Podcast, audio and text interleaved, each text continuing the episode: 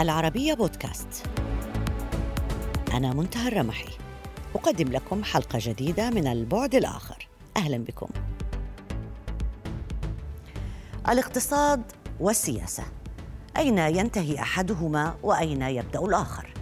قصة البشرية في القرن العشرين تمت كتابتها من خلال التفاعل المستمر بين هذين العاملين الاقتصاد والسياسة.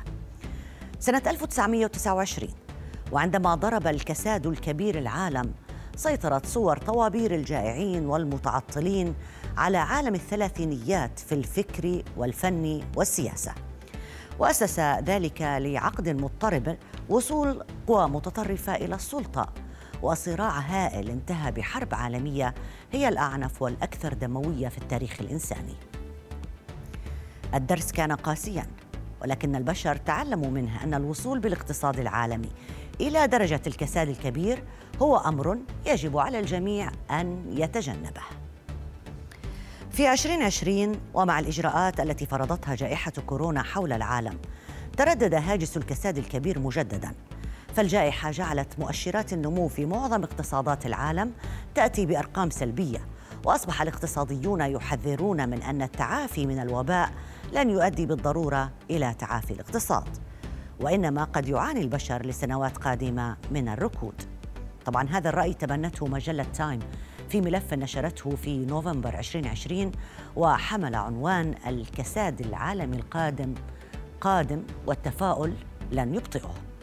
بينما قدمت مجلة فورتشن في نفس الوقت تقريبا رؤية مختلفة تستبعد حدوث ذلك في تحليل بعنوان لماذا نحن لسنا في قلب كساد كبير آخر؟ بين هذين الرأيين أرحب بضيفي الدكتور فخر الفقي نائب مدير البنك الدولي سابقا وأستاذ الاقتصاد الدولي بجامعة القاهرة. أهلا بك معنا دكتور فخري. من الناحية الاقتصادية هل هناك كساد قادم أم أننا بعيدون جدا عن الكساد؟ أين نقف بين هذين الرأيين؟ ما الذي يمكن الوثوق به أكثر؟ يعني دعيني إن أنا آه، يعني أنوه بأنه في عام 2020 ومع جائحة آه، فيروس كورونا ما حدث من إغلاقات آه، كاملة أو شبه كاملة في عديد من الدول العالمية متقدمة أو ناهضة أو نامية على حد سواء في النصف الأول من عام 2020 ده يعتبر قرار إرادي أدى إلى نوع من آه، يعني تراجع في معدلات النمو. بلغت في آخر مراجعة لصندوق النقد الدولي أنها وصلت إلى تراجع في الناتج العالمي بما يقرب من 5% أو بشكل أدق 4.9 من 10% سالب. ولم ينجو من هذه المقصلة إلا عدد محدود من الدول يعني كانت يعني آه، محظوظة في هذه لكن 95% من دول العالم تراجع فيها النمو من الناتج في هذه الحالة. إذا هناك كساد ولكن هذا الكساد في 2020 إرادي بإرادتنا إحنا اللي أغلقنا يعني النشاط الاقتصادي لمدة ستة أشهر. فلا بد وده طبيعي بس, بس كانوا طبيا وظهور الكساد والبطالة صحيح أنا معك يا دكتور. لكن بس طبيا هل كان لديهم خيار آخر؟ هل كان لدى الدول خيار آخر؟ ليس لهم خيار يا فندم ليس لهم خيار آخر. ولكن في النصف الثاني عندما بدأت يعني الدول الكبرى آه، يعني آه، يعني تطبق ما نسميه حماية كحماية الأرواح مهم جدا. لكن في نفس الوقت لابد من حماية الأرزاق. وده, وده, وده والنشاط الاقتصادي لأنه لا لن نستطيع الاستمرار في حماية الأرواح الجائعة. ولذلك لابد من إعادة فتح النشاط الاقتصادي. وبالفعل دول زي الولايات المتحدة الأمريكية ودول أوروبية والصين واليابان بدأوا في إعادة فتح اقتصاداتهم تدريجيا. في ده قرار إرادي فيها بحيث أن إحنا نوازن بين حماية الأرواح وأيضا حماية الأرزاق أو الدخول والنشاط الاقتصادي في هذه الحالة وهو مع اتباع التدابير الاحترازية المعروفة صحيا في هذه الحالة آه، غسل الأيدي آه، آه، يعني التباعد الاجتماعي يعني عدم الوجود في أماكن مكدسة إلى آخره في هذه الحالة يعني لبس الماسك أو الكمامة في هذه الحالة.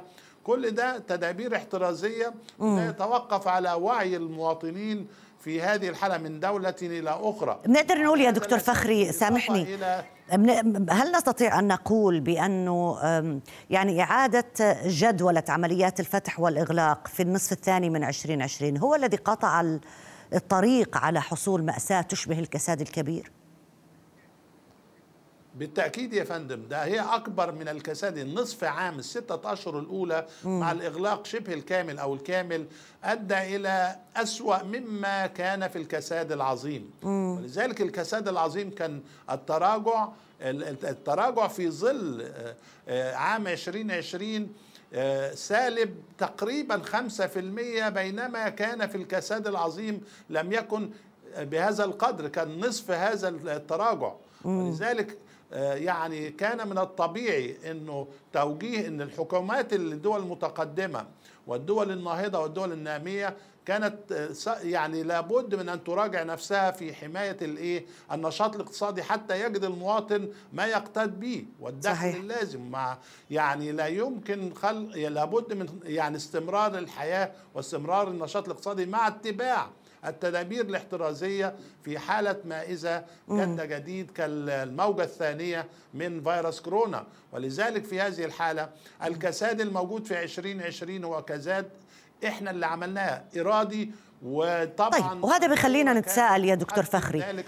إذا في وعي صار باتجاه هذا الموضوع أنه أنه هذا الكساد كان اراديا لكن لاحظنا أنه التعافي في قطاعات مثل البورصة مثلا بيتم بسرعة كبيرة بعد عمليات فتح الاقتصاد حتى لو كانت فتحا جزئيا. هل هذا كله يشير إلى أنه التعافي في 2021 سيكون بسرعة أكثر مما نتوقعها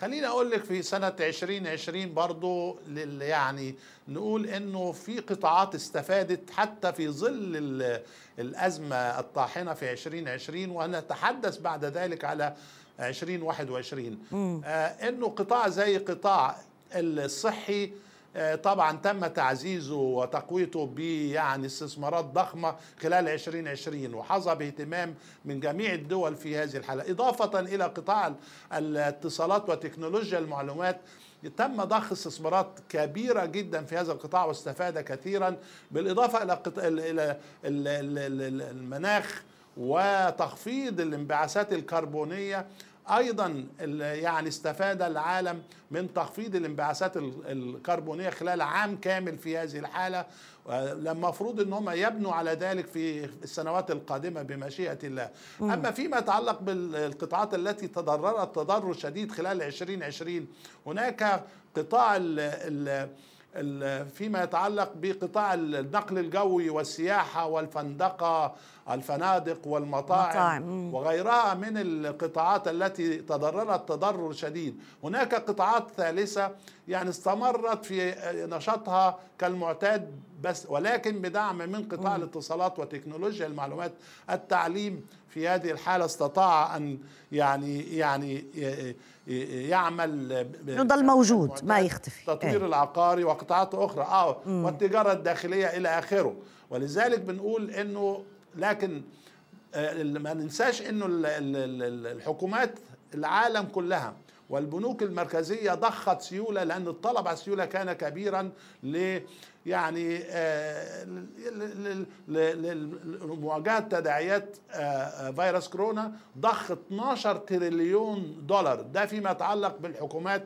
والبنوك المركزية في دول العالم. إضافة إلى المؤسسات المالية الدولية زي صندوق النادي الدولي خصص ما يقرب يعني كانت جاهزة تريليون دولار.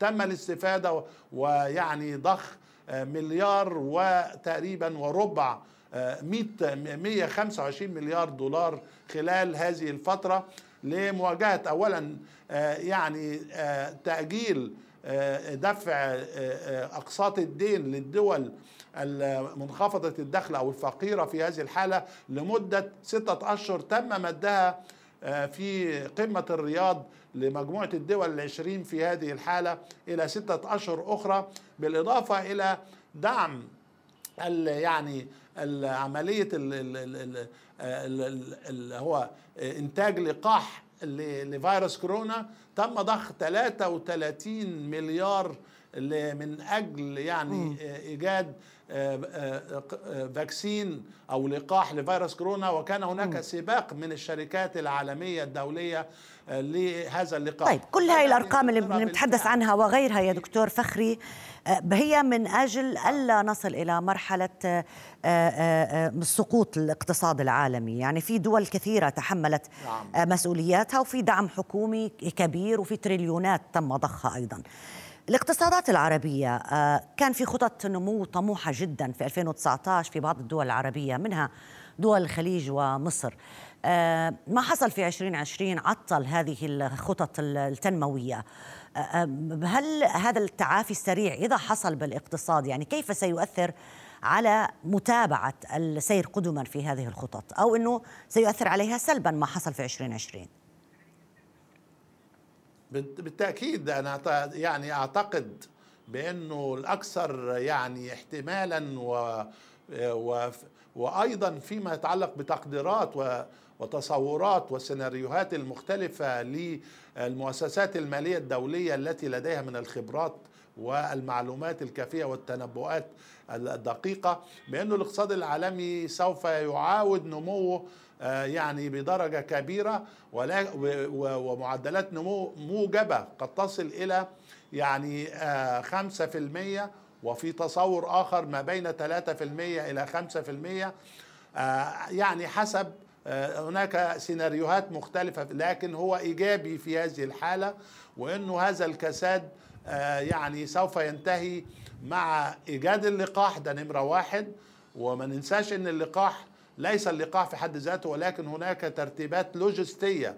المراكز التي سوف تقوم بعملية التطعيم بالإضافة إلى يعني وجود ثلاجات لحفظ هذا اللقاح م. تحت درجة حرارة تحت الصفر إضافة إلى لتطعيم يعني الملايين حتى تظهر الأجسام المضادة أو المناعة إيه بيقولوا 70% من الكرة الأرضية إذا طعمت من كل كلامك يا دكتور؟ بقول إنه من كل كلامك أنا فهمت آه، بأنه أنه أنت بتستبعد مرحلة الكساد يعني إنه في تفاؤل في المستقبل. لا يا فندم أنا أعتقد بالضبط وده يتفق مع تقديرات المؤسسات المالية الدولية التي لديها من الخبرات آه، يعني والبيانات الكافية للتنبؤ ووضع سيناريوهات. أي هذا على الصعيد الاقتصادي. واعتقد مهم جدا ما تفضلت به دكتور الدول العربية. اي تفضل تفضل. الدول العربية طبعا يعني أعتقد هتخرج من الكاسات التي الذي حل عليها نتيجة انخفاض خاصة دول الخليج نتيجة أن يعني هناك توقعات بزيادة الطلب على الطاقة في هذه الحالة وارتفاع سعر برميل البترول إلى مستويات ما قبل آه، كورونا لعودة النشاط الاقتصادي مرة أخرى وسوف تواصل الدول الخليجية التي تعتمد على يعني مصدر على إيرادات البترول في هذه الحالة في آه، يعني مسيرة الخطط التنموية تحقيقا للتنمية المستدامة في 2030 بالإضافة إلى انه هناك دول قامت هذه الدول أيضا دول عربية عديد من الدول العربية خاصة في مصر ودول الخليج في هذه حتى دول الخليج بدأت في عمليات وبرامج للإصلاح الاقتصادي آه، بحيث إن هي يعني إيه بالاخر بالآخر مثل هذه الجا الجائحة أو ما يشبهها من مشكلات كبرى يعني آه، يجب أن تكون دروس تتعلم منها الدول والأمم والشعوب وعلى حتى كمان على مستوى الأفراد. دكتور فخري الفقي نائب مدير البنك الدولي سابقا واستاذ الاقتصاد الدولي بجامعه القاهرة ألف شكر لك على المشاركة معنا. بعد عام مليء بالأزمات الاقتصادية التي سببتها جائحة كورونا سوف تكون الأجندة الاقتصادية في العام الجديد حاسمة حتى لو كان الاقتصاد سيتعافى. كيف ستتحكم هذه الأجندة الاقتصادية في السياسة الخارجية للدول الكبرى؟ وما تأثير ذلك على الملفات الإقليمية لمنطقتنا؟ أرحب بالسيد غفيد دوشاريت وزير الخارجية الفرنسي الأسبق للإجابة على هذه التساؤلات. أهلا بك معنا السيد الوزير. أهلا وسهلا بكم. دعني أبدأ معك بالأجندة الاقتصادية عالميا. إلى أي مدى برأيك ستضغط على الأجندة السياسية للدول الكبرى؟ لو انطلقنا من باب وصول بريطانيا والاتحاد الأوروبي لاتفاقية تجارية بعد فترة طويلة من المماطلة.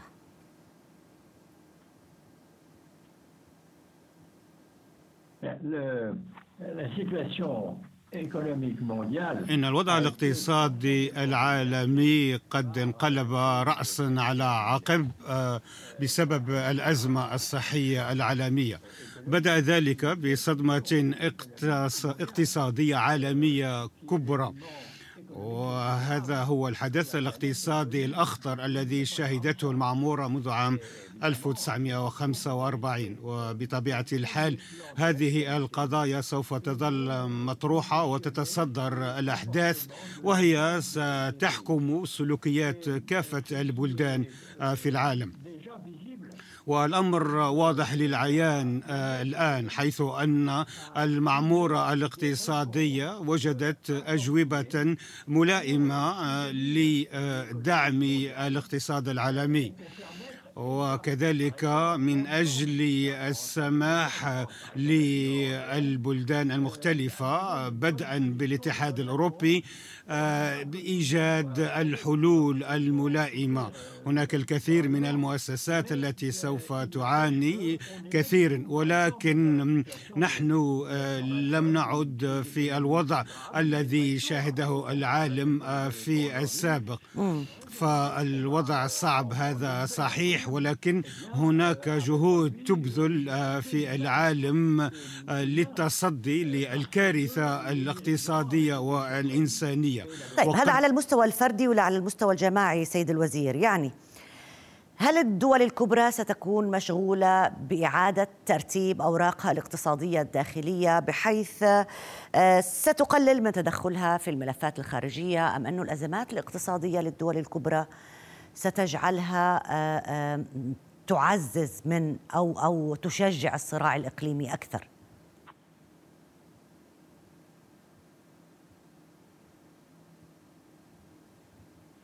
Eh bien, euh, je pense que euh, si par exemple أتصور أنه إذا ما أخذنا في الحسبان الوضع السائد في الشرق الأوسط نلاحظ أن الأزمة الاقتصادية هي قد خدمت مصالح الدول الكبرى وأضعفت البلدان الضعيفة.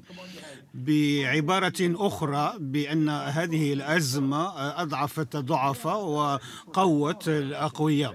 وفي حال كهذه يجب أن نتوقع من الأوروبيين أن يراقبوا عن كثب ما يحدث في الشرق الأوسط. وهناك بلد مثل الصين آه، التي تستفيد من الخروج من هذه الجائحة آه، من أجل آه، محاولة تحقيق مكاسب على الساحة العالمية. والأمريكان سوف يسعون للرد على ذلك لكنهم لا يزالون يواجهون الأزمة الصحية. وعليهم أن يركزوا عليها. وللإجابة على سؤالك سأقدم لك ثلاثة أمثلة.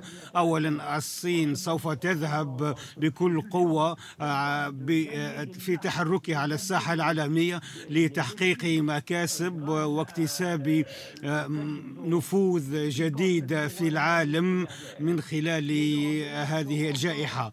والأوروبيون لا يزالون آه، يركزون على وضعهم وكذلك يراقبون الوضع لا سيما في الشرق الأوسط الذي له خصوصيته. وثالثا الأمريكيون الذين سوف يواجهون بعض الصعوبات لاستعادة مركزهم كقوة عالمية أولى في العالم. هذا على المستوى الدولي. حكينا عن الصين الاتحاد الأوروبي الولايات المتحدة الأمريكية. لكن على المستوى الإقليمي خلينا نشوف مثلا آه، إيران وتركيا. إيران في الصراع في سوريا والعراق واليمن هي تدعم برغم كل الضعف الاقتصادي إلا أنها تدعم الميليشيات داخل هذه الدول. هل متوقع انه الضغط الاقتصادي الشديد اللي حصل في 2020 يمكن أن يؤدي بأنه إيران مثلا تتخلى عن ميليشياتها وكذا الحال بالنسبة لتركيا وصراعها في الشرق المتوسط وصراعها في ليبيا أيضا باستخدام هذه الميليشيات، الوضع الاقتصادي هل سيؤثر على على هذه الاستراتيجية أو هذه السياسة في التعامل مع التعقيدات في المنطقة بالنسبة لإيران وتركيا؟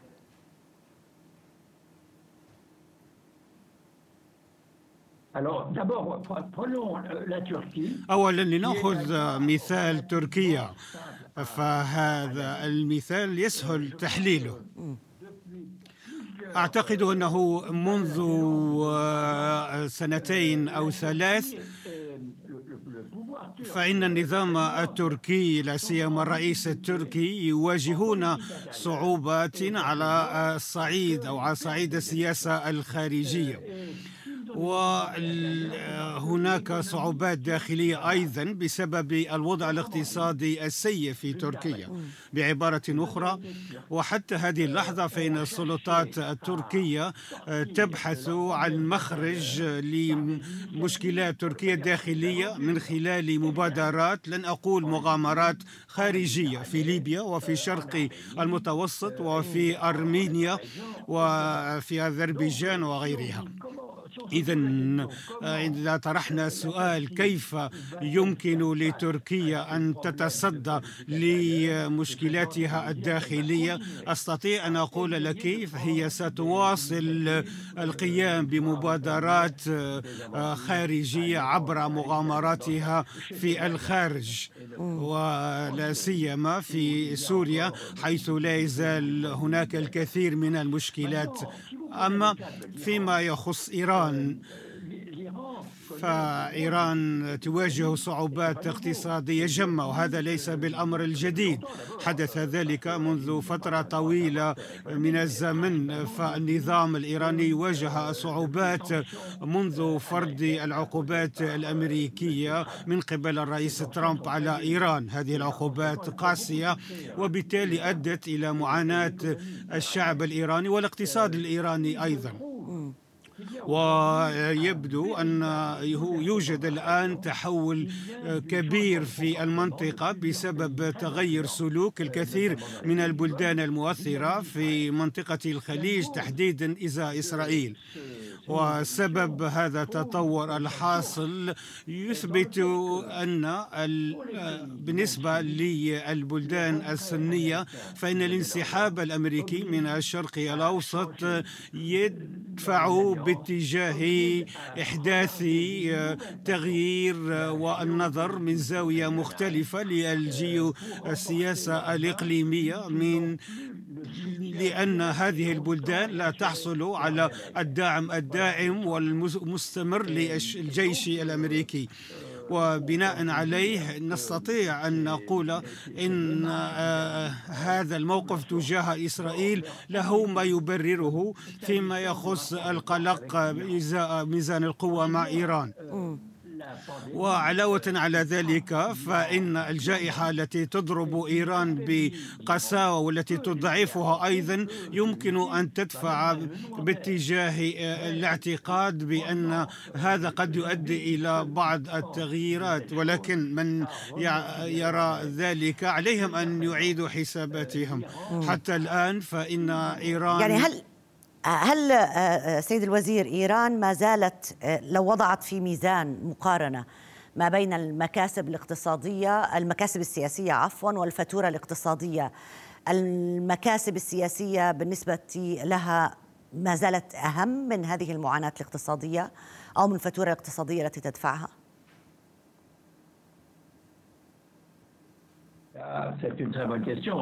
هذا سؤال مهم جدا سيدتي.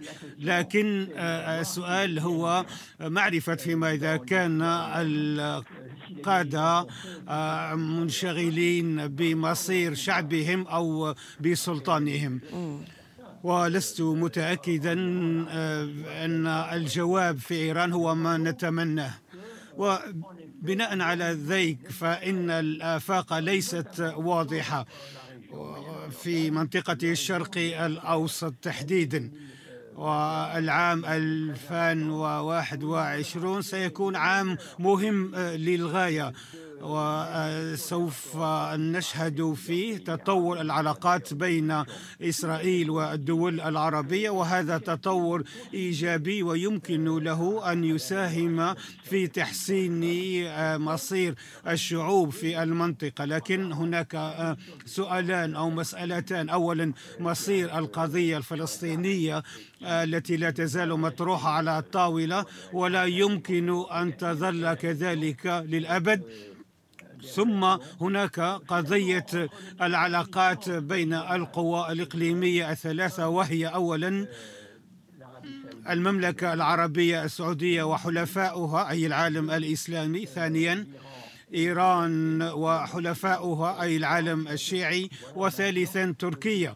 فهذه القوى الإقليمية الثلاث هي مسؤولة تماما بشأن قدرتها على التوصل إلى صيغة للتعايش فيما بينها وموازنة المحاسن والمساوئ لكل طرف والبحث عن السلام. إيه هذا لو كانت القضية يعني قضية وقتية أو ظهرت الآن بس هي قضية يعني من من من عقود أشبعت بحثا. ما الذي سيغير الموقف الآن تجاه هذه القوى الإقليمية الكبرى؟